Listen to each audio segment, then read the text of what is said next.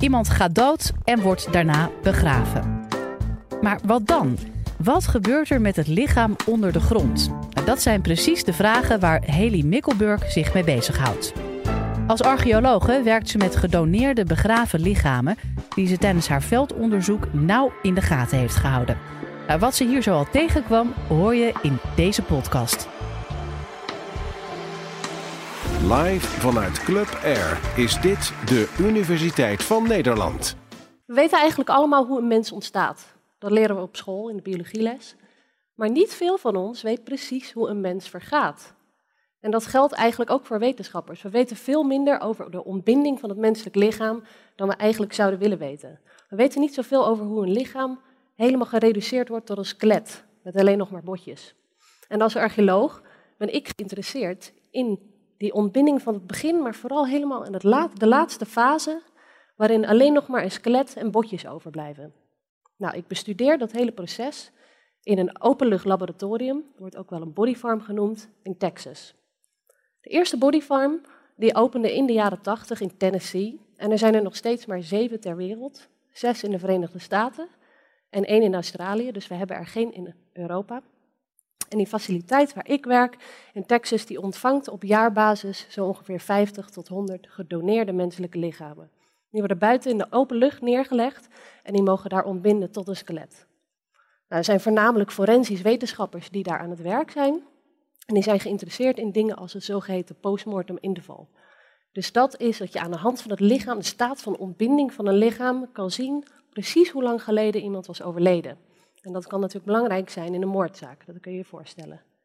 Maar zij onderzoeken ook iets dat heet tafonomische processen. En dat is eigenlijk alles wat er met een lichaam gebeurt, vanaf het moment van de dood totdat we een lichaam aantreffen. Dus dieren die vreten aan een lichaam, maar ook verwering van botten die op het oppervlak liggen, die in de zon en de regen en de wind liggen. Als archeoloog ben ik eigenlijk geïnteresseerd in precies dezelfde puzzel als mijn forensisch-antropologisch collega's, maar dan op een hele andere schaal. Dus ik ben ook geïnteresseerd in de reconstructie van het moment van de dood tot het moment van opgraven van een skelet. En ik ben geïnteresseerd in de geschiedenis van één individu reconstrueren, maar ik kijk met een hele andere tijdsdiepte naar het individu. En ik kijk ook naar een andere schaal, want ik ben geïnteresseerd in een hele samenleving. Hoe zij dachten over omgang met de doden, begrafenisritueel, begravingspraktijken. Nou, om die vragen te beantwoorden kijk ik ook naar tafonomische processen, verraad door dieren of verwering. Maar ik ben ook geïnteresseerd in iets dat heet disarticulatie. En dat is het uiteenvallen van het skelet in losse botten. Nou, grootste overeenkomst dat ik heb met mijn forensische collega's op die bodyfarm is dat we allemaal graag die natuurlijke processen willen kunnen onderscheiden van menselijk handelen. Dus wij willen weten, wat hebben mensen met zo'n lichaam gedaan? Mijn forensisch collega's die zijn dan met name geïnteresseerd bijvoorbeeld in wat een dader met een lichaam heeft gedaan. Maar ik ben bijvoorbeeld geïnteresseerd in wat de nabestaanden hebben gedaan en hoe zij met zorg iemand hebben begraven. Nou, ik neem jullie even mee naar het Caribische gebied waar ik als archeoloog werk. Daar weten we het een en ander over die begrafenispraktijken via schriftelijke bronnen van de eerste Europeanen die daar uh, in dat gebied kwamen. Die zagen enkele begrafenissen en die schreven daar het een en ander over op. Maar we weten eigenlijk een hele hoop meer uit de archeologie. En wat we zien als we skeletten daar aantreffen, is dat er eigenlijk hele complexe begrafenispraktijken waren. Wat bedoel ik daarmee? Niet zoals bij ons, waar je eigenlijk gestrekt op de rug in een kist begraven wordt, maar daar gebeurde er eigenlijk van alles met het lichaam. Ten eerste, de meeste mensen werden begraven in de zogenaamde foetushouding, dus echt opgekruld als een foetus. Maar we zien ook dat er een hele hoop manipulatie is met het lichaam, terwijl het al in vergaande staat van ontbinding is. Er worden botten weggehaald, worden botten bijgeplaatst, schedels weggehaald bijvoorbeeld. En we, we zien ook dat bepaalde individuen, of dat denken we, dat bepaalde individuen eerst gemummificeerd werden en vervolgens pas begraven. Weer anderen, daar denken we van dat die in een open kuil mochten ontbinden. En dat dat hele proces van ontbinding dus te zien was voor iedereen. Nou, we zien dus een hele hoop manipulatie met die lichamen. En het resultaat daarvan, in zo'n archeologische opgraving, is dat het skelet niet altijd in anatomisch verband ligt. Dus dat wil zeggen dat het niet zo ligt zoals we het verwachten in een levend lichaam, maar dat de botjes door elkaar liggen. Natuurlijke processen kunnen ook dat anatomisch verband verbreken. En dat betekent dus dat het voor ons als archeologen soms moeilijk is om een onderscheid te maken tussen iets dat gewoon van nature gebeurd is en iets dat door dat menselijke die manipulatie, dat rommelen met die lichamen is gebeurd. En wij willen weten wat was nou intentioneel en wat niet. Nou, om dat onderscheid goed te kunnen maken, moeten we eigenlijk die natuurlijke processen veel beter in kaart brengen. Dan pas kunnen we zeggen wat mensen hebben gedaan. En dan met name willen wij kijken naar die fase waarin uh, alleen een skelet overblijft en dat skelet uiteenvalt in losse botjes. Wat weten we, of wat denken we eigenlijk op dit moment te weten over het uiteenvallen van zo'n skelet?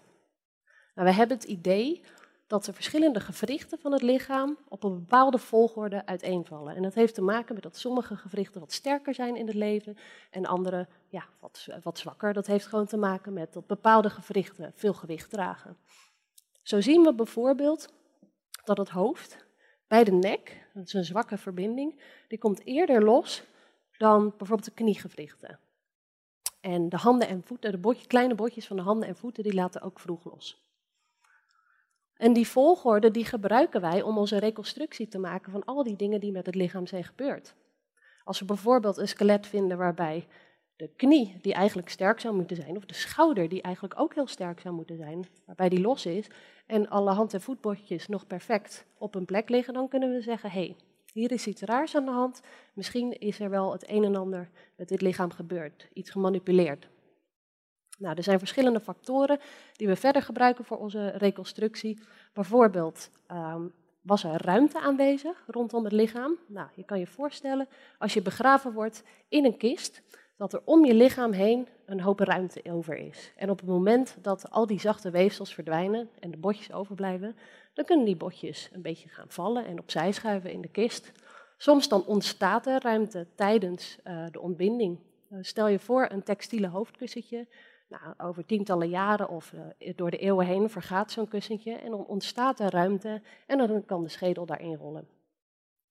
We weten ook dat de positie van het lichaam van invloed is op hoe die botjes uiteindelijk terechtkomen.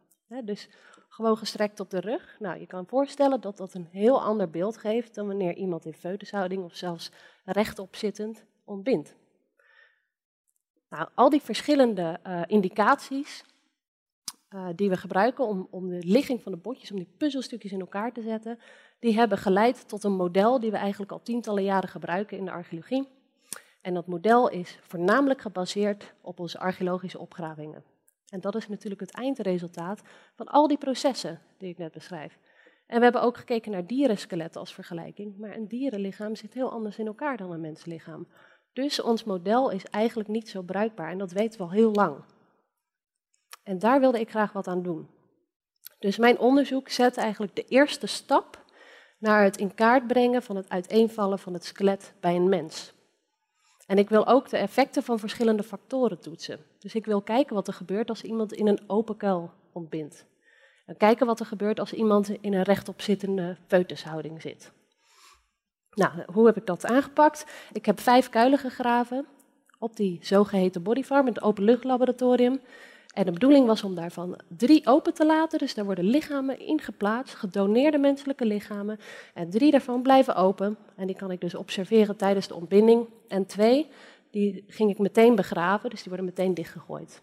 En deze individuen worden allemaal in foetushouding geplaatst. Dus elke dag ga ik naar de bodyfarm en dan maak ik een hele reeks foto's. Dan ben ik aan het werken, ben ik die foto's aan het nemen, dan neem ik een hele hoop rondom zo'n lichaam.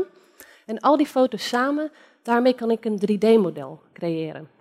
En als ik dan al die modellen heb, gedurende maanden, dan kan ik ze allemaal achter elkaar plakken en over elkaar heen leggen. En dan kan ik precies elke verschuiving van elk klein stukje van het lichaam en elk botje kan ik in kaart brengen. Nou ja, dit is een faciliteit in Texas en daar is het heel erg warm. Het klimaat is heet. Centraal Texas is ook vrij vochtig. Dus ontbinding gaat ook heel erg snel. In die eerste fase, waarin de huid en de spieren en alle weken delen van het lichaam uh, eigenlijk verdwijnen, dat gaat heel snel. Dus wat gebeurt er? Nou, eerst begint, beginnen die zachte delen te zwellen, die verkleuren. Er komen insecten, maden bij kijken. En ook een hele hoop bacteriën. En die insecten en die bacteriën samen, die zorgen ervoor dat die zachte weefsels helemaal verdwijnen. En daaruit komt dat skelet tevoorschijn. En in die donaties die ik heb onderzocht, was het skelet eigenlijk, zo'n lichaam was volledig geskeleteerd binnen drie maanden. En dat is razendsnel, maar dat heeft alles te maken met het klimaat daar. Nou, wat kon ik toen zien in die, die maanden dat ik die verschillende uh, donaties bekeek? Dat skelet, dat uiteenvallen van het skelet, dat gaat in een andere volgorde dan we altijd dachten. Niet altijd. Sommige dingen die we dachten kloppen, maar andere dingen die wijken dan weer af. Heb ik een voorbeeld, het schoudergewricht. We dachten altijd, nou dat is een sterk gewricht, dat houdt lang stand. Maar in sommige omstandigheden gaat die dus eerder los dan je zou verwachten. Zelfs samen met het hoofd, een van de eerste dingen die loskomt. En een van de andere dingen die ik opmerkte was dat de leeftijd van iemand ook invloed heeft op dat loslaten van de botten, van de gewrichten. Denk maar aan oudere mensen, die hebben soms wat verhardere botten, zeker bij de connectie van de ribben met het borstbeen. Dat is bij jongere mensen veel meer kraakbeen en als je ouder wordt kan dat gaan verharden. Nou, als het verhardt, dan laat het ook minder makkelijk los en dan blijft dat gewricht lang in stand. Ik heb al deze observaties gedaan en dat kunnen we nu al toepassen in de archeologie, maar hoe kan dit onderzoek nou verder gaan? Je kan je voorstellen dat uh, zo'n openluchtlaboratorium een unieke kans geeft om bepaalde processen in een gecontroleerde uh, omstandigheden uh, te observeren. Maar dat betekent dus ook dat de resultaten ook uniek zijn voor die locatie, voor dat klimaat, voor Texas, voor Centraal Texas. Dus het belangrijkste voor mij is ook om te vergelijken met andere omstandigheden, andere omgevingen eigenlijk, om te kijken of wat ik heb geobserveerd daar ook klopt. Dus is dat uiteenvallen van het skelet ook afhankelijk van dit klimaat? Dat weten we nog niet. Dus ik moet vergelijken. Nou, wat staat er verder nog op het programma voor mij dit jaar?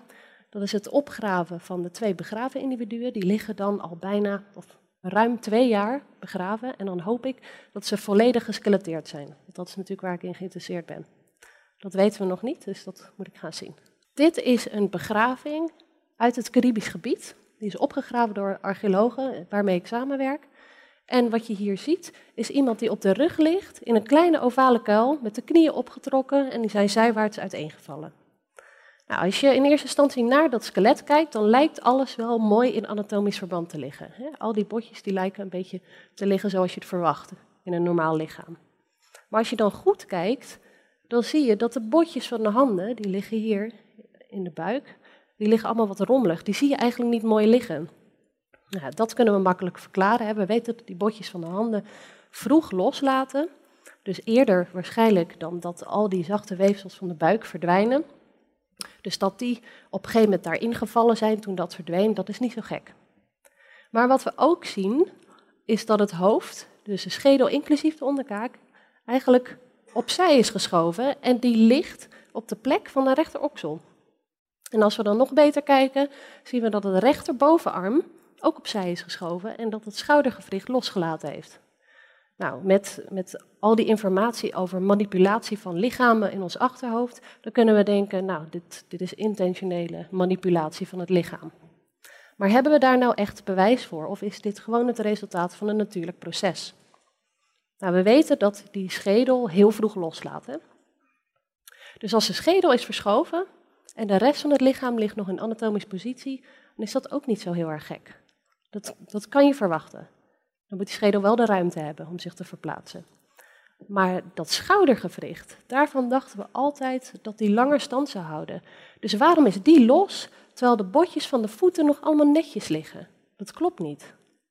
Nou, voor wie goed opgelet heeft, die weet eigenlijk het antwoord al. Hè? Die, dat schoudergewricht in sommige omstandigheden, dat heb ik gezien op de bodyfarm, laat eerder los dan we altijd dachten. Zelfs tegelijkertijd met de schedel. Dus wat is hier nou gebeurd? Vroeg in het proces van uiteenvallen van het skelet was er ruimte aan de rechterkant van het lichaam. Net genoeg ruimte voor die schedel om een beetje opzij te zakken, samen met de onderkaak. En net genoeg ruimte voor de bovenarm nadat het lichaam uh, uh, was gezwollen en die zwelling zakte om zich opzij te plaatsen, verplaatsen. En dat zien we niet aan de linkerkant van het lichaam, want daar zat het lichaam gewoon tegen de wand van de kuil aan. En dat kun je heel goed zien aan de positie van het linkerbeen. Die zit een beetje rechtop, iets meer rechtop dan het rechterbeen. Dus ik wil met jullie terugkijken naar de hoofdvraag van dit college.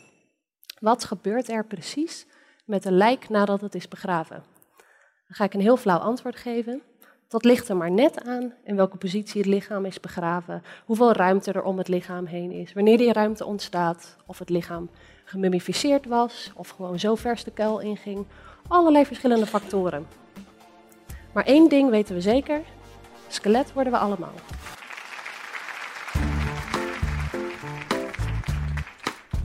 Dit was de Universiteit van Nederland. Wil je nou nog meer horen, bijvoorbeeld over de vraag waarom zoveel millennials kampen met een burn-out? Of hoe je een oogbal kunt bioprinten? Check de hele playlist.